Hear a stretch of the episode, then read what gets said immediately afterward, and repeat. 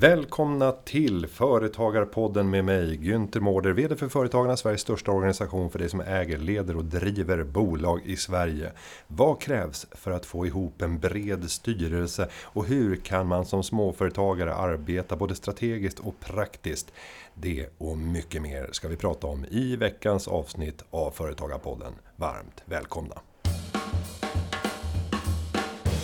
Hon är VD och grundare av DEB, Diverse Executive Boards, grundare till innovationsbyrån Headytech och Maja Invest och har en passion för att utveckla affärer och människor. Vi säger varmt välkommen till Hanna Moisander. Tack! Kul, kul att, att vara här. Ja, kul att ha dig här. Nu måste jag ju först eh, ställa frågan, vad var det som gjorde att du nyfiket drog dig till företagande? Oj, lite ofrivilligt tror jag. Har alltid varit entreprenör, jobbat i bolag och fick frågan om jag ville komma tillbaka till den här startup-andan som vi hade på mitt första bolag och starta ett nytt. Och jag sa ja direkt. Så det hamnade egentligen i företagande väldigt, väldigt tidigt. Meddragen av att jag gillar att säga ja helt enkelt. Man brukar ju säga att företagande är gravt smittsamt och det är också genetiskt eh, så att många ärvs mm. med de här egenskaperna. Jag tror inte att det kanske ligger i genen utan snarare i miljön som man fostras. Om man tittar på din uppväxt, vad är det som har dragit dig till företagande om du ska göra den analysen? Ja, skulle man kolla genetiskt eller uppväxt så skulle ja, jag nog hamna till... Kanske. Ja, men då skulle jag hamna som rektor för det har jag tre stycken i min närmsta oj, släkt. Oj, oj. Men eh, jag har ju inte pluggat alls, eh, så har jag istället gått in på företagande. Men det handlar nog om att jag har en familj och framförallt en mamma som säger att jag kan göra vad jag vill. Och eh, då har jag kommit till ett läge där jag gärna tackar ja. Och när jag började jobba i ett entreprenörsdrivet bolag så var det väldigt enkelt att hamna i den miljön att jag ville starta eget bolag och göra det själv. Och vad skulle vara ditt tips till den som inte är i en miljö där man eh, får naturliga impulser och färgas av företagande. Men man går, eh, ligger ändå där på nätterna och tänker att jag drömmer om att få göra det här hur ska man komma in i miljöer där man eh, påverkas i en positiv riktning? Ja, alltså delvis finns ju extremt många poddar. Det finns sammanhang att vara och bara sätta sig själv i den miljön. Alltså gå på startup-mässor eller startup-event. Lyssna på poddar så som den här. Häng med människor som driver bolag. Käka lunch, ta en kaffe. Lyssna på deras resa och se, ja, men är det så att det här triggar någonting i mig? Och i så fall, ta egentligen bara det vidare och börja, börja spåna. Sen ett väldigt gott tips som jag har, som jag brukar säga till yngre entreprenörer, det är att skriv ett brev till dig själv om tio år och bara vart vill jag vara då? Skriver du i det brevet att det är viktigt för dig att driva bolag tillsammans med allt annat såsom familj och vardag, då tror jag att det är större sannolikhet att du kommer ta dig dit. Så liksom bara det här, skriv ner vart du vill och identifiera det. Då tror jag det är mer sannolikt att du kommer dit. Och nu blir jag ju nyfiken på vad står i ditt brev till dig själv om tio år? Ja, för mig var det väldigt viktigt att prata om vilken vardag jag har och hur mycket jag bidrar. Så jag, för mig så står det mycket om familj, det står mycket om träningsvardag, det står mycket om hur jag mår. Men det står också att jag jobbar med de sakerna som jag känner att jag kan bidra med varje dag. Att jag kan göra skillnad, att jag gör skillnad för en bättre värld, men samtidigt också för individer i min närhet hela tiden. Och det där är ju någonting som man ofta får som råd när man är ung. Så här, du ska fokusera på det du är bra, bra på, det du drivs av och som följer din, din, ditt inre mål. Och sen det vanligaste, minns jag i alla fall själv, det var så här, men jag vet inte vad det är. Nej. Hur, hur ska man hitta sitt eh, framtida jag för att kunna måla ut den där målbilden? Har du något tips? Alltså, jag har bara gjort det jag tycker det är roligt. Och det, det menar att alltså, jag har suttit på, jag har jobbat med lager och jobbat i stort sett dygnet runt och de här delarna. Men jag har följt det jag triggas av och får passion för. Och det kan också vara tråkiga delar, men det har i det stora hela varit en passion för att göra skillnad. Och det, att hitta sitt inre why, lite så här Simon Sinek del, Start with why, och verkligen jobba för det, det tror jag är en skillnad. Och inte försöka hitta någon annans väg, utan sin egen. Har man kul när man jobbar på restaurang, då är det kanske restaurang du ska vara på just då. Har du kul när du jobbar på ett lager och utvecklar lagret och jobbar som arbetsledare, då kanske det är där du ska vara. Och sen hittar du vägen, för helt plötsligt så har du startat ett bolag, ni taktar 50 miljoner, ni ska göra en M&A, alltså det kommer kanske gå åt det hållet. Än mer om du faktiskt har bestämt dig för det. Och jag tänker att gå in till 100 procent, oavsett vad man gör. För någonting som jag gillade under uppväxten, det var två saker, eller många fler, men två stycken saker som jag kan nämna. Det var spela strategispel på datorn. Mm. Alltså, varit, jag tror inte det har varit jättebra om jag hade satsat på just det. Mm. Eh, jag gillade också att sjunga. Jag sjöng i mm. gosskör. Jag försökte satsa på det 20 000 timmar. Jag gick all in men failade. Eh, det går knappt att göra en karriär där och Nej. skaffa en försörjning som körsångare. Eh, men oavsett vad man gör, att gå all in för att mm. bli den bästa inom det här fältet oavsett vad du sysslar med. Och den här ständiga nyfikenheten till evig mm. förbättring. Ja. Eh, kommer inte det leda väldigt långt, men kräva väldigt mycket? Det tror jag verkligen. Och du har ju lärt dig massor under de, de resorna du har där. Och jag har gjort liknande med både hästsport som varit en del i det, där jag verkligen ville ge allt för att bli bra på det. Jag eh, såg till att jag ville vara den bästa chef jag kunde vara i min tidigare karriär. Jag ville också bli riktigt duktig på sporten crossfit. Har lagt lika många timmar som dig nästan till på det. Och hela tiden sett att det varit en resa där jag kan utvecklas framåt. Även om jag kanske har vetat att jag inte kommer bli bäst i världen så kan jag bli bättre än mig själv igår. Och det mindsetet har tagit mig väldigt, väldigt långt. Är du en utpräglad tävlingsmänniska? Ja, alltså det här är ganska kul. Mamma säger att jag är kanske inte en tävlingsmänniska, men jag, om någon annan kan göra det så vill jag också kunna göra det. Lite, att, lite Pippi Långstrump? Väldigt mycket mm. Pippi Långstrump. Och det har varit mitt motto hela livet. Så att om, någon, om jag ser att någon kan göra någonting, även om den var liten, liksom, så vill jag kunna göra det och jag vill göra det bättre. Så där kommer min tävlingsinstinkt. Det är liksom inte bara högst upp på pallen som är viktigt, utan det är att jag ska vara bättre. Tror du att det är viktigt för att eh, inom citationstecken mm. lyckas i den värld som vi lever i idag? Att ha en viss mått av tävlingsinstinkt? Jag tror att det är viktigt, ja men absolut för att lyckas i den traditionella meningen. Då tror jag att du behöver vara tävlingsmänniska. Eh, och för att själv känna dig lyckad så behöver du ha ett growing mindset där du själv känner att du lär dig hela tiden, utvecklas hela tiden. Det tror jag är en av de nycklarna. Menat med det att om du hela tiden känner att du lär dig och att du väljer ta motgångar som lärdomar, då kommer du känna dig lyckligare och vara, vara mer nöjd. Och det är egentligen ingen annans jobb att identifiera din lycka, utan det är ditt eget. Mm. Och nu ska vi prata hur styrelser kan bidra till utvecklingen av eh, företag i Sverige och också vad man som person och i det här fallet lyssnare kanske kan eh, lära sig och eh, tillföra i ett styrelseuppdrag. Men om vi börjar med styrelsens roll för utvecklingen av ett framgångsrikt företagande. Hur skulle du beskriva det? Jag skulle beskriva det som att styrelsen är ägarnas personer in i bolaget. Alltså det är brygga mellan ägarna, ägardirektivet, vad man vill med bolaget, till egentligen ledningen. Det är de som ser till att den strategiska höjden finns, att strategin efterlevs och även kontrollerar att ledningen gör det som är utlovat och följer lagar och regler. Det låter kanske lite tråkigt i de meningarna, men styrelsen har ett jätteviktigt ansvar både för trendspaning, för att eh, välja rätt VD, tillsätta rätt VD, se till att den VDn kan prestera och ge rätt förutsättningar. Ge rätt riktning, se till att vi gör rätt saker och säkra att vi har rätt kompetens i bolaget. Och om vi tar för det lilla företaget eh, som ägs och leds och drivs av samma person som också grundade det en gång i tiden. Eh, så är det ganska ovanligt att man har en externrekryterad styrelse. På pappret så kanske det finns en person och ofta mm. så bor den personen på samma adress som du själv. Eh, det kan vara din respektive som står registrerad i en styrelse. Men väldigt få har ett organiserat styrelsearbete. Varför borde fler ha det? Ja, man kan, jag kan faktiskt eh, understryka det med att säga att 46% av alla bolag i Sverige som omsätter mer än 5 miljoner har bara vad du beskrivs som en pappersstyrelse i stort mm. sett. Eh, det finns bevisat att ett bolag med en styrelse klarar sig bättre över tid, är mer lönsam och har förutsättningar till att skapa högre innovationskraft. Så av de anledningarna, vill man ha de delarna så bör man titta över det här. Det handlar mycket om att eh, faktiskt få både förutsättningarna för att ha någon mer som håller dig accountable. Du har absolut ett ägarintresse, men alla vi är människor och ibland kan du ha en dålig period och då behöver du någon annan kanske som kommer in, stöttar upp dig, ger dig både förutsättningarna men också ger dig reflektionstid på vart är det bolaget verkligen är på väg? Är det i riktning med det du vill? Du känner dig kanske inte lika ensam med en styrelse som faktiskt bidrar in och stöttar dig.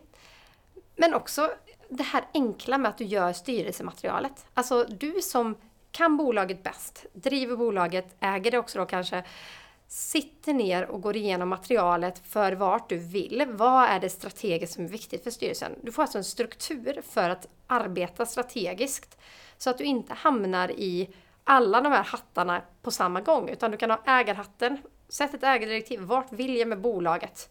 Vad har jag för mål om utdelning och så vidare. Vi har en styrelse som pratar om riktning, tar de strategiska punkterna och ser till att ni är på väg dit. Och sen operativt kan du springa på de grejerna som ni har beslutat och känna dig trygg med att det här är ingenting som jag behöver vackla i utan jag har valt ut smarta människor som tillsammans med mig har satt rätt strategi. Och om vi tänker då att det där låter väldigt eh, lockande. Men att ta det här steget. Idag har jag ingen styrelse. Eh, mm. Och sen så tänker jag att jag vill ta mig dit. Om du beskriver de naturliga stegen för att mm. successivt ta sig dit. För jag tänker att det är inte någonting man gör från en dag till en annan. Nej. Vad är det första steget? Det första steget jag skulle säga det är eh, att prata, prata med ett styrelseproffs eller en, styrelse, en person i styrelseroll som du känner att du inspireras av och tror skulle kunna passa. Eh, och bara höra in vad är det för kompetenser, börja bolla den delen. För vad är det du behöver för att ta det vidare? Troligtvis har du inget ägardirektiv. Jag hade börjat med att skriva det ägardirektivet. Det ägardirektivet är ditt brev till dig själv om tio år, fast som företag nästan. Där du säger vart vill du med bolaget och vad, och vad är viktigt för dig med värderingar och alla de delarna. Därefter så hade jag som, som ägare börjat funda, fundera på om jag kan ta in en person som kanske advisory från början, en rådgivare som adjungerat jobbar med styrelse, sätter upp styrelsen. För det är ganska mycket struktur som ska sättas upp och det kan få ta lite tid också. För det är ingen idé att skynda, skynda på det och det ska inte vara så att du tappar massa av den operativa kraft för att du ska lägga massa tid på struktur i början. Utan smyga in med det med en advisory board, tilltänkt ordförande gärna tidigt så att du får just det bollplanket. Och sen bygger vi upp styrelsen under tid. Och alla förändringar som man vidtar är menade att skapa en effekt som mm. Eh, är större än eh, resursåtgången för att eh, åstadkomma förändringen. Om vi då sätter, sätter upp någon typ av förväntansbild om att vi ska få igen det här i effekter. Hur ska jag mäta för att se om den här externt rekryterade styrelsen som är kanske efter något år efter att först ha haft en eh, senior mm. advisor, mm. någon typ av rådgivare, mentor och sen kanske den blev ordförande. Vi rekryterade första externa ledamoten och så ytterligare en. Så plötsligt är ni fyra stycken mm. och du har en extern eh, styrelseordförande. I det läget, vad, vad är rimligt om man skulle utvärdera i femårigt perspektiv att ta sikte på för att mäta och följa upp? Har det här verkligen gett vad jag hade hoppats på? Mm, som ägare, delvis så är ju styrelseutvärdering ett jättebra verktyg jag hade gått igenom gamla, det här låter väldigt operativt eller väldigt hands-on, men jag hade gått igenom gamla protokoll. Hur många beslut har vi tagit som har varit värdefulla, alltså värdeskapande för dig? För ibland så kanske inte effekten kommer direkt, men har vi tagit, fått direktiv och beslut som har tagit oss framåt? Det kan vara ett bra riktmärke med. Sen ska vi se, när vi väl har satt en roadmap och en, en, strategi för vart vi vill, hur enkelt har det varit för dig att efterleva den här strategin och roadmappen?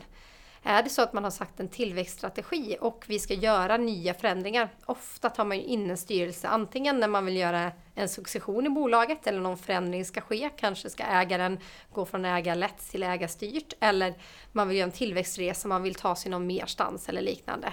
Och då kan man ju mäta hur har de initiativen gått också. Sen tycker jag också att man ska gå till sig själv som, som företagare och, och VD för, och ansvarig för den operativa verksamheten och ställa sig frågan hur många gånger har jag förändrat i min uppfattning eller mm. justerat ett tilltänkt beslut till följd av att vi haft ett styrelsemöte? Och då får man ju fundera över, går det att utvärdera hur utfallet blev på de, de ändringar som du gjorde i förhållande till vad som annars hade varit fallet. Sen är ju det väldigt svårt för att man vet bara utfallet i det ena och det andra blir väldigt mycket gissningar och var det du själv som kom med idén så är det mm. väldigt sällan så som man, att man underdriver de positiva effekterna av ett sådant beslut. Vad tänker Precis. du kring en sån ja, typ av det, utvärdering? Ja, det är jättesvårt också i, i att, att faktiskt se vad är det som är hönan och ägget i många mm. delar också. Så att, Det, det, är självklart inte det enklaste, men eh, det låter som ett väldigt bra resonemang att ha som företagare. Och också se det som en, en investering på lång sikt skulle jag också säga. Det här kan, det, självklart vill man analysera år två, men jag tror att effekten är under en längre period, ofta. Och jag tror också att eh, det handlar mycket om hur du mår som VD i bolaget eller företagare. Hur bra support får du? Hur hög stressfaktor har du? Kan styrelsen sänka eller höja den stressfaktorn? Gör, höjer den den, då kanske du måste se över. För att det här handlar ju om att de ska jobba för ditt bolags bästa hela tiden. Och dynamiken där ska ju vara positiv hela tiden. Och det ska ju ge dig mer energi, mer motivation till att driva ditt bolag åt den riktning som ditt ägardirektiv säger. Jag eh, tänker på eh, ett eh, antal luncher som jag har haft med vd i börsbolag som har avgått och lämnat sitt värv. Så har jag brukat vilja sätta mig ner och prata, få lite erfarenheter, kunskaper från deras karriär. Och det har jag ofta ställt frågan eftersom jag är intresserad av styrelsearbete. Finns det tillfällen under alla dina år som VD i den här verksamheten där du har justerat beslut i en riktning som du inte hade tänkt till följd av styrelsens eh, inspel. Väldigt sällan får jag höra en VD uttrycka att så är fallet. Det gör mig lite orolig. Ja, det håller jag med om. Eh, och, och det här är ändå i betyd, alltså börsbolag ja, ja, av betydande storlek. Eh, eh, utan ofta så kommer de synpunkter som, som kommer upp det är så här, ja det har funnits investeringsbeslut och framförallt när det gäller förvärv, förvärv av mm. andra bolag. Eh, där lusten kanske har varit starkare från operativt håll eller från strategiskt håll att göra det. Och det handlar framförallt om riskprofilen. Mm. Att styrelsen har varit mer återhållsam i risktagandet mm. jämfört med, med VD. Det är de vanligaste exemplen. Men i det löpande eller i utvecklingen av de allmänna strategierna för bolaget eller i, i sättandet av, av visionen för företaget. Så är det nästan alltid vdn som uttrycker så här, nej, mm. jag fått göra precis vad jag vill. Ja, och där finns det två aspekter att lyfta in. Det ena är att ett av styrelsens absolut viktigaste jobb, det är att tillsätta rätt VD och motivera den. Så att jag, jag håller med om att det är problematiskt det du säger, men om styrelsen tillsätter en riktigt bra VD så ska ju den vara införstådd och kunna driva de frågorna. För det är också den som lever med bolaget i många delar. Den andra delen där, det är att jag tror att eh, det har lite med sammansättning i styrelsen också. Alltså, har vdn en, kommer vdn till ett möte med en, med en plan eh, för det här vill jag ha igenom. Jag vill ha beslut på det här beslutsunderlaget. Man har en bestämd idé om vart man ska. Då kommer det väldigt, med väldigt stor sannolikhet kanske bli att man kommer dit. Istället för att komma dit att de här utmaningarna har jag med den här frågan. Jag skulle behöva ha era infallsvinklar där man öppnar upp för för att faktiskt få in deras perspektiv tidigt också. Och jag tror att eh, det kanske är vanligare i mindre bolag än vad det är de större. Och det har jag nog också sett att det finns när det väl kommer till beslutsunderlag så finns det en vilja att få igenom beslutsunderlagen väldigt starkt hos VD in i, in i styrelserummet. Medan om man ska ta riktningsbeslut som styrelse och mer visionärt så har jag i alla fall upplevt att man är mer öppen för att inte ge ett, ett direktiv att jag tycker vi ska häråt, vad tycker ni? Och risken när man säger jag tycker vi ska häråt, vad tycker ni? Det är att det blir ett grupptänkande. Vdn är ändå den som jobbar mest i bolaget. Styrelsen ses mellan 4 och 20 gånger om året beroende på bolag. Eller kanske till och med fler. Och då är det klart att då tänker man ju att vdn vet bäst. Eh, det är farligt att tänka det. Man ska alltid gå till sig själv och tänka, vad tänker jag? Vilken infallsvinkel har jag? Vilket perspektiv har jag? För det är då man kan skapa bra dialoger i styrelserummet och kanske skifta en riktning lite grann. Eller tillföra till den riktningen som har beslutats. Om vi ser till eh, styrelsen i det här lilla bolaget så ska man ju fundera över här, hur ska man organisera styrelsearbetet för att få ut mesta möjliga? Mm. Vad skulle du säga? Finns det några generella tips för vad man ska sätta på agendan och vad som inte ska vara där. Eh, det finns ju det som ankommer enligt lag. Mm. Eh, men om vi rör oss bortanför de yeah. formella kraven och tittar på typer av ärenden som du tycker hör hemma eller inte hör hemma i ett småföretags styrelserum. Ja, jättebra fråga. Det, det jag skulle säga strukturellt som är viktigt är att man har en årsplan så man inte bara pratar om just det mötet. utan faktiskt lyfter blicken till en årsplan. För i det lilla bolaget så händer det oftast ganska mycket och man kanske inte har någon annan att bolla med så man vill ta in lite för operationella kanske ibland frågor till styrelsen. Personligen så tycker jag att det är viktigt att man har en del av mötet där faktiskt vdn kan få bolla problem och utmaningar. För det tycker jag är bra som styrelse att få känna in vad är det vdn verkligen behöver oss för.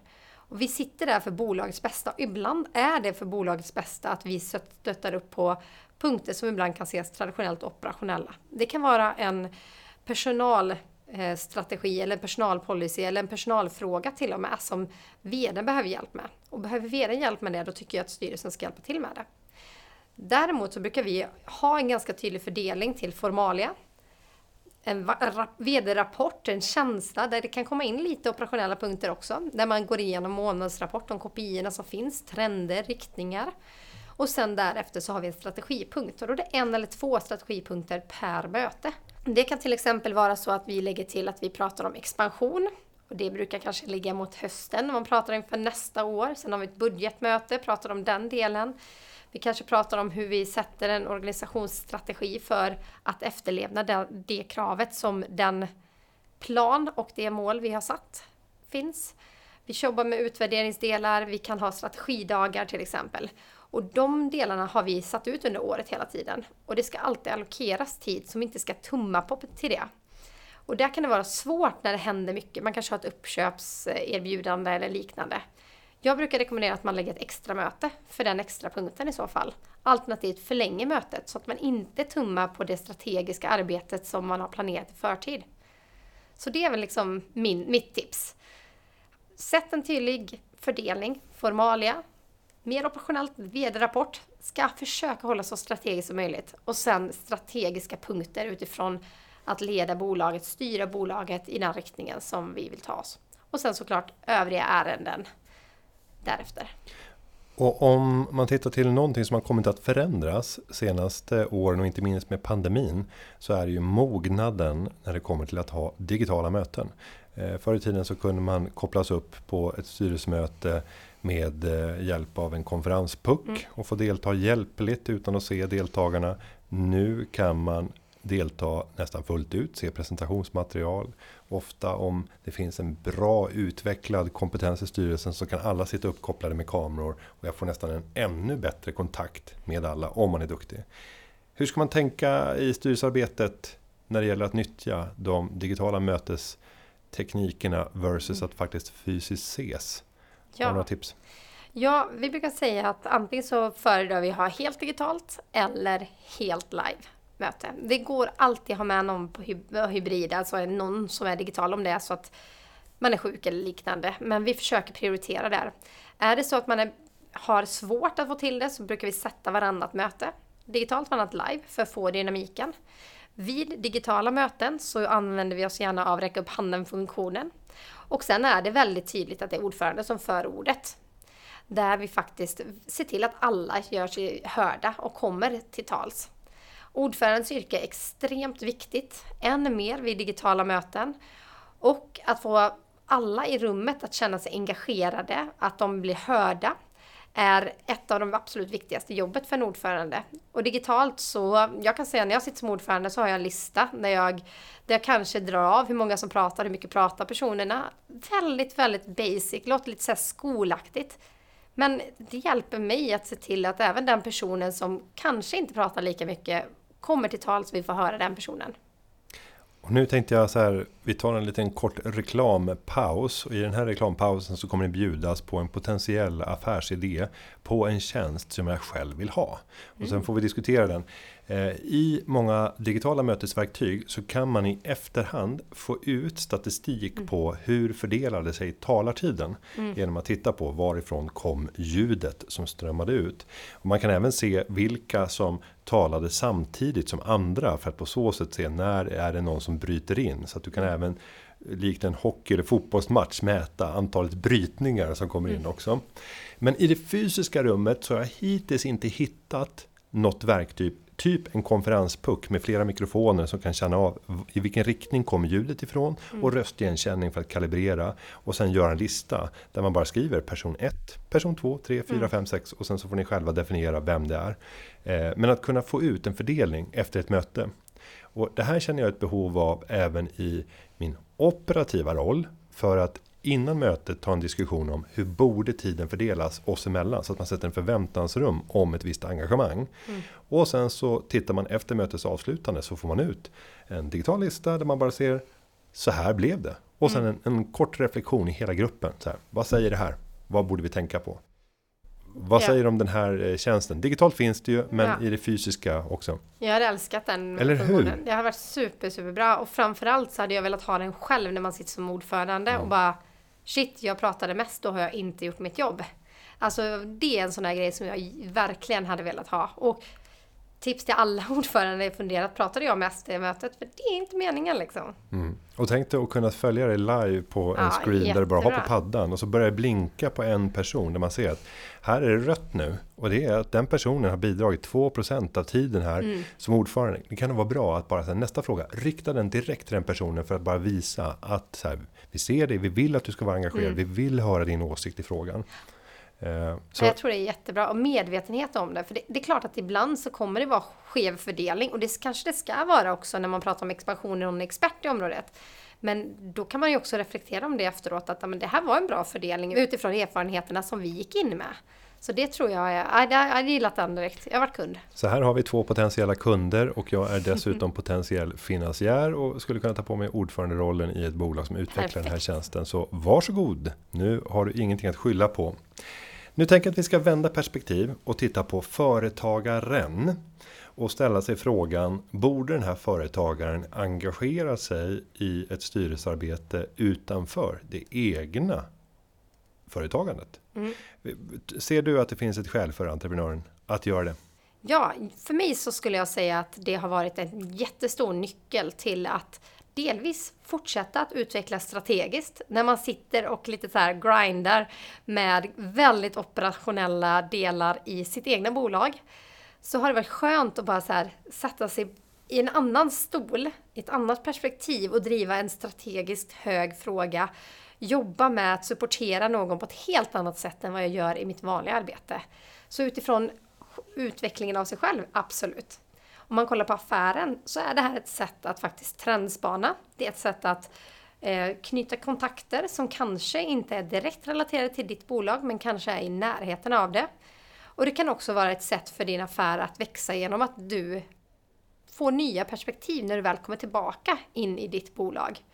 Tänk på de sakerna som faktiskt diskuterades på styrelsemötet. Ta med dig det in till din affär och kanske kommer du på en liten ny riktning eller en pivot eller liknande som behövs in i ditt arbete. Och om vi nu eh, tar den här personen och den tycker att det, det här låter lockande. Så det här skulle jag vilja mm. göra. Hur ska man nu gå tillväga? För att eh, hitta ett tillräckligt spännande bolag att engagera sig i och sen nästa steg. Ja, hur ska du i sådana fall ta dig in i den styrelsen? Jag hade identifierat vad är mitt bidrag in i styrelserummet? Vad är det jag är riktigt bra på? Och då inte din operationella kompetens utan din strategiska kompetens.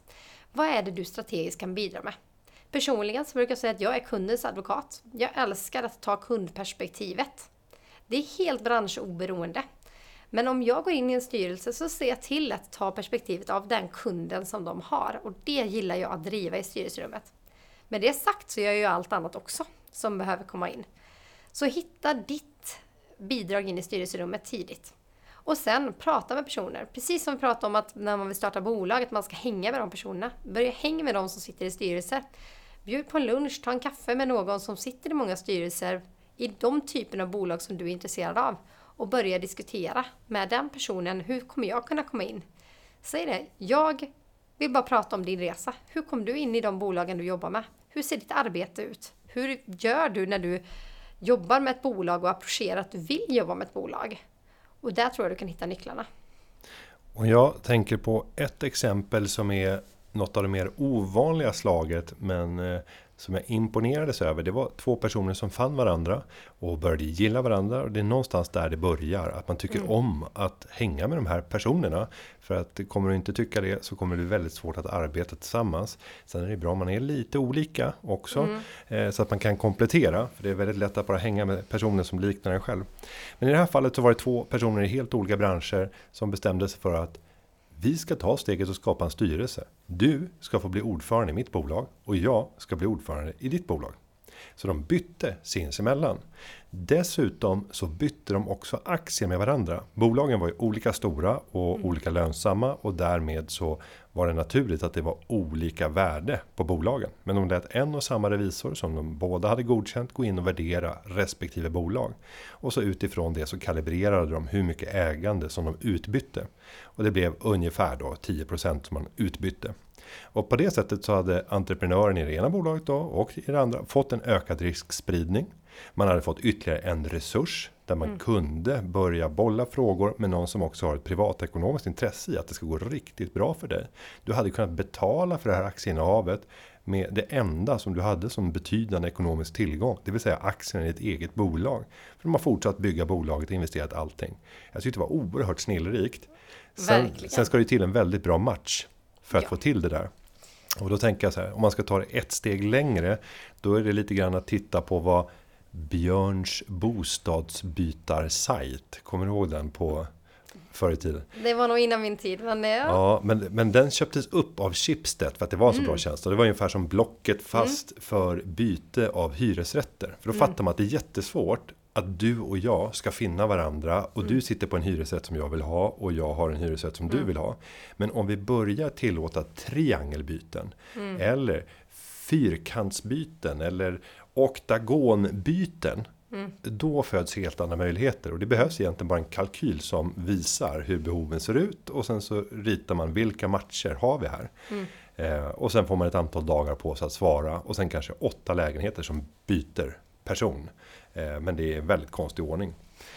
Och, en sån typ av tjänst. Så här, ja. Jag står beredd att ge bort 10% av mitt bolag om jag kan säkerställa att det är för motsvarande värden i andra bolag där jag också själv kan engagera mig. Mm. Eh, det är nästa spännande. Affärs, nästa ja, det är nästa affärsidé. Det är mm. jättebra. Jag, matchmaking och att träffa personer som är intresserade av styrelsearbete tillsammans med företagare som har behovet tror jag är jättestor nyckel. Och vi gör ju det i, i Deb, men det kan ju vara på olika mässor, att man bara vet om det, eller events. Det kan ju vara på olika events och liknande också, som man bara säger att men jag är öppen för styrelsearbete. Eller jag som företagare är öppen för att ta in någon i min styrelse. Och sen hur man gör det, det kan man ju ta ett senare skede när man lite grann har dejtat sig innan också. Så att det tror jag är jätteviktigt. En del personer står ju inför valet sen. Ska jag satsa på en operativ karriär eller ska jag välja den strategiska styrelsekarriären och bli styrelseproffs? Vad skulle du säga ska rymmas i den analysen som måste ligga bakom mm. valet av inriktning? För många gånger så är ju många av de främsta styrelseproffserna eh, extremt efterfrågade även för operativa befattningar. Mm. Jag skulle slå ett slag för att fortsätta jobba operativt och i så fall ha ett styrelseuppdrag eller två som ökar den strategiska höjden, ger dig bra infallsvinklar, bra utbyte, bra trädspaningar in till din operativa tjänst. Dels så är det väldigt svårt att få den typen av ersättning som du kan få i en operativ tjänst genom att jobba med styrelsearbete. Det krävs ganska många styrelser du behöver gå in i och ganska stora bolag. Så den resan kan ta lite tid. Jag tror också att eh, vi har väldigt mycket att ge operativt, att driva frågor och jobba operativt ganska länge i våra karriärer. Men att kombinationen av att delvis ha örat mot rälsen genom att jobba operativt samtidigt som man sitter i styrelsen och tittar ner på bolaget, ser alla strukturer, har trendspaning globalt och de delarna, så tror man kan bidra jättemycket. Så en liten kombination av det. Operativt, lite styrelse, tror jag är väldigt, väldigt bra. Mm. Ja, men det är väl en, en bra tanke. Om vi då tittar på nätverksdimensionen, för det är ju viktigt både om du är en företagare och ska attrahera eh, styrelsekompetenser för att kunna skapa ett professionellt styrelsearbete. Men också för dig som är företagare och kanske vill bidra. Vad skulle du ge för tips där på nätverkssidan? Delvis eh, följa de personerna som eh, har många olika typer av engagemang Eh, Var på de olika eventsen som finns. Vi vet eh, själva, bara, bara för att man är i svängen, så vet vi mycket events som finns inom segmentet. Lyssna, höra, bygg nätverk genom att prata med personer som engagerar sig inom det. Ni får jättegärna ta del av det vi delar på Deb. Eh, vi har events och liknande. Vi matchar företagare med styrelsetalanger som har validerad kompetens. Det kan vara ett sätt att få in nya perspektiv men också att men öppna upp för att eh, tänka på hur skulle jag kunna bygga min styrelse och börja ta det här första steget. Och eh, jag ska ju såklart passa på att tipsa om alla två över 2000 aktiviteter som företagarna gör varje Absolut. år. Eh, och framförallt om man är intresserad av att själv eh, ta sig in och börja arbeta i en styrelse.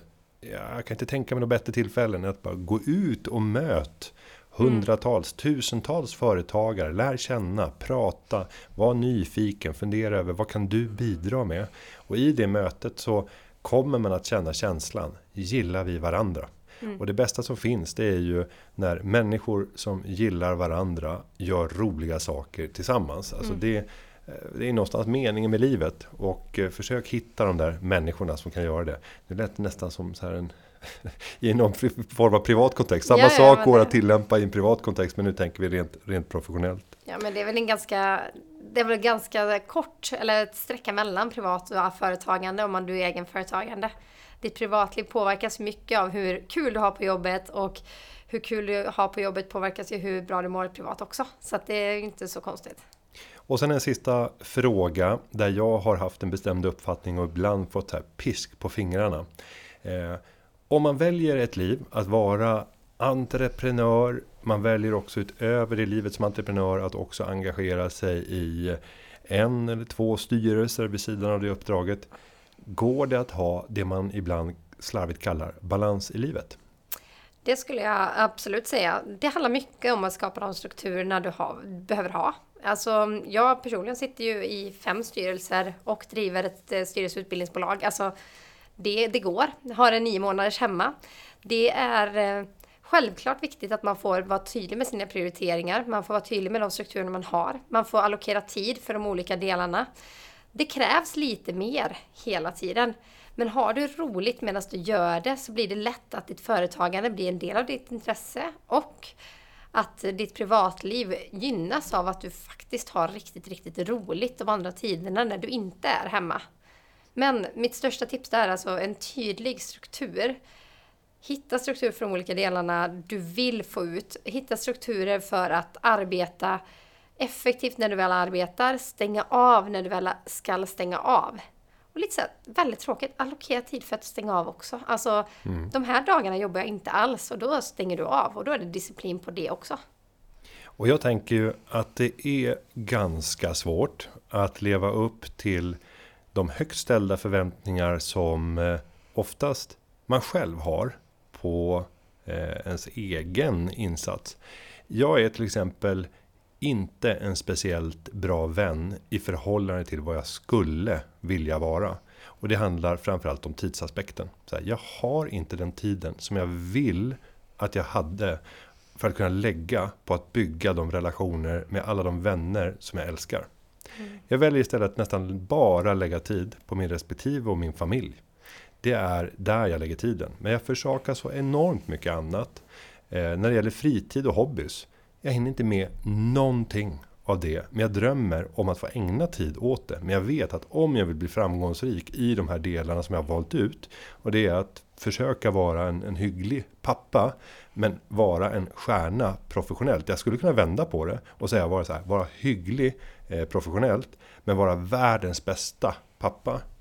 Eh, jag tror att man måste satsa. Bestämma dig för vad är det du vill nå din fulla potential inom. Och där måste du allokera kopiöst mycket tid till det. Så vill du vara den bästa pappan, den bästa mamman du vill vara. Du måste lägga så kopiöst mycket tid och engagemang och organisera det för att nå din fulla potential i den rollen. Håller du med mig? För nu börjar ja, jag problematisera alltså, kring det här. Jag skulle säga att både och håller med dig. Jag skulle säga att det nyckeln i det du pratar om nu, det är att du har valt. Mm. Hade du känt dig som ett offer efter situationen som du sitter i, då hade du inte mått bra i det. Men när du väljer och är medveten om hur du väljer, då tror jag att det funkar för dig. Och oavsett de valen så tror jag, så länge du har medvetet valt det så kommer det gå bra.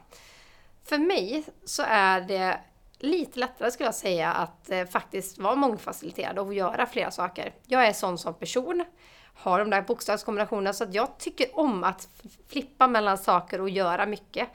Har också en, eh, haft det levnadssättet hela mitt liv i stort sett, att jag gillar att göra flera saker och bli bra på mycket samtidigt. Men prioriteringen är superviktig. Jag har min prioritering. Men samtidigt så är jag fullt medveten om att även om jag verkligen vill växa Deb till exempel, som är ett av mina högsta prioriteringar nu tillsammans med min son och min sambo. Då vet jag att jag mår bra av att inte bara jobba. Jag kommer prestera bättre på jobbet, jag kommer vara mer långsiktig om jag ser till att ha en dag på helgen där jag stänger av helt. Det är ett medvetet val för att bli bättre på mitt jobb också. Vad, vad är det att stänga av helt då? Ja, men det är inga notiser, ha do not disturb på telefonen. Försök att inte Stänger kolla. dörren till familjen? Ja, nej, de får vara med. De får vara de med. är med. De Den dagen inte är. Det är jobbet som stängs av helt, ska sägas. Mm, En professionell nedstängning. Ja, det är en professionell nedstängning. Och det är, det är lite sådär hela tiden se till att du själv mår bra. Och jag brukar säga det, det gäller att vara lite egoistisk i de delarna också. Att du ser till dig själv, hur mår jag bra? Egoist har fått så negativ klang, men liksom, hur mår jag bra? Hur presterar jag bäst? För om jag mår bra, om jag känner att jag prioriterar min träning hyfsat, alltså jag hinner med allting runt omkring, då kommer jag vara en bättre mamma, jag kommer vara en bättre eh, företagsledare, styrelseledamot, sambo, vän. Bara att jag har den prioriteringen. Och sen precis det du var inne på där, att jag hela tiden gör en aktiv prioritering, ett aktivt val hur jag allokerar min tid, lägger min tid. Just nu så kanske jag har ett aktivt val att jag sover mindre än vad jag borde. Men så länge jag känner att jag kan prestera på de olika delarna kan jag göra det aktiva valet. När jag känner att jag tappar på dem, då måste jag göra ett nytt val. Och hela tiden analysera sig själv lite som en elitidrottare skulle jag säga. Då tror jag att du kan lyckas bra som en företagare också. Mm. Just det där, det där sista tipset har jag svårt att förlika mig med, men jag fattar vad du menar. Men, men min tanke är så svår att sätta sig in i en elitidrottares tänk. Sen kanske det inte är jättestor skillnad jämfört Nej, med jag tror inte det. en det entreprenör är, gäller. nej, jag tror inte det. Faktiskt inte. Utan det är Det är mycket drivkrafter, sätta mål, Ja. stå beredd att jobba hårt för att nå dem. Mm. Precis, och sätta förutsättningarna för att kunna prestera när man vill prestera. Alltså det handlar det mycket om, att du, du ser dig själv som ett verktyg till att kunna prestera. Lite som du pratar om där, att man måste sätta sin prioritering. Men jag, om jag ska kunna göra ett riktigt bra jobb, vara riktigt bra mamma, vara riktigt bra styrelseledamot, då behöver jag ge mig själv strukturen för att kunna göra det. Jag behöver ha roligt när jag gör det och jag behöver förutsättningarna runt omkring för att kunna göra det. Jag behöver också prioritera bort saker. Alltså, man måste kanske hade jag velat göra de här sakerna perfekt. Jag kanske hade velat göra hemlagad barnmat. Jag kanske hade velat äta perfekt mat. Alltså de här, det kanske jag inte hinner. Jag kanske hade velat sova åtta timmar. Just nu hinner jag inte det. Jag vet att jag hade presterat lite bättre om jag hade gjort det. Men just nu så får det gå bort för att jag vill hinna med fler saker. Se att min prestation sänks, då kommer jag behöva tänka om. Det är precis så som en elitidrottare kanske hade tänkt att man tränar, tränar, tränar för att kunna prestera bättre. Ibland är man nedtränad, ibland så har man det lite lugnare och bara få det, det synen på det. Den synen på det. Hanna, jag vill säga ett stort tack för att du kom och delade med dig av dina perspektiv. Och jag hoppas att många, både de som är entreprenörer och själva funderar över att kunna få mer impulser och kunna vara med och bidra i andra bolag, har fått sig ett litet köttben kastat till sig. Och även de som kanske tänker att eh, man ska organisera styrelsearbete och vara eh, ett bolag som tar till nästa nivå och utveckla bolaget genom att professionalisera styrelsearbetet har fått ett annat köttben. Så stort Hanna för att du kom till Företagarpodden. Ja men tack snälla och mm, slänger ut en reach out. Är det så att ni behöver råd eller tips så är det bara att höra av sig. Vi älskar ju styrelsearbete och brinner för att professionalisera styrelsearbete och matcha in nya talanger. Så det är bara att säga till så jag hjälper vi gärna till. Stort tack! Vill du ha fler tips kring hur du kan utveckla ditt bolag? Då ska du gå in på företagarna.se och under fliken driva eget så finns det mängder av inspiration. Klippningen av den här podden är gjord av Petra Chu och underlaget är skapat av David Hagen. Vi hörs igen nästa vecka. Ha det så bra. Hej!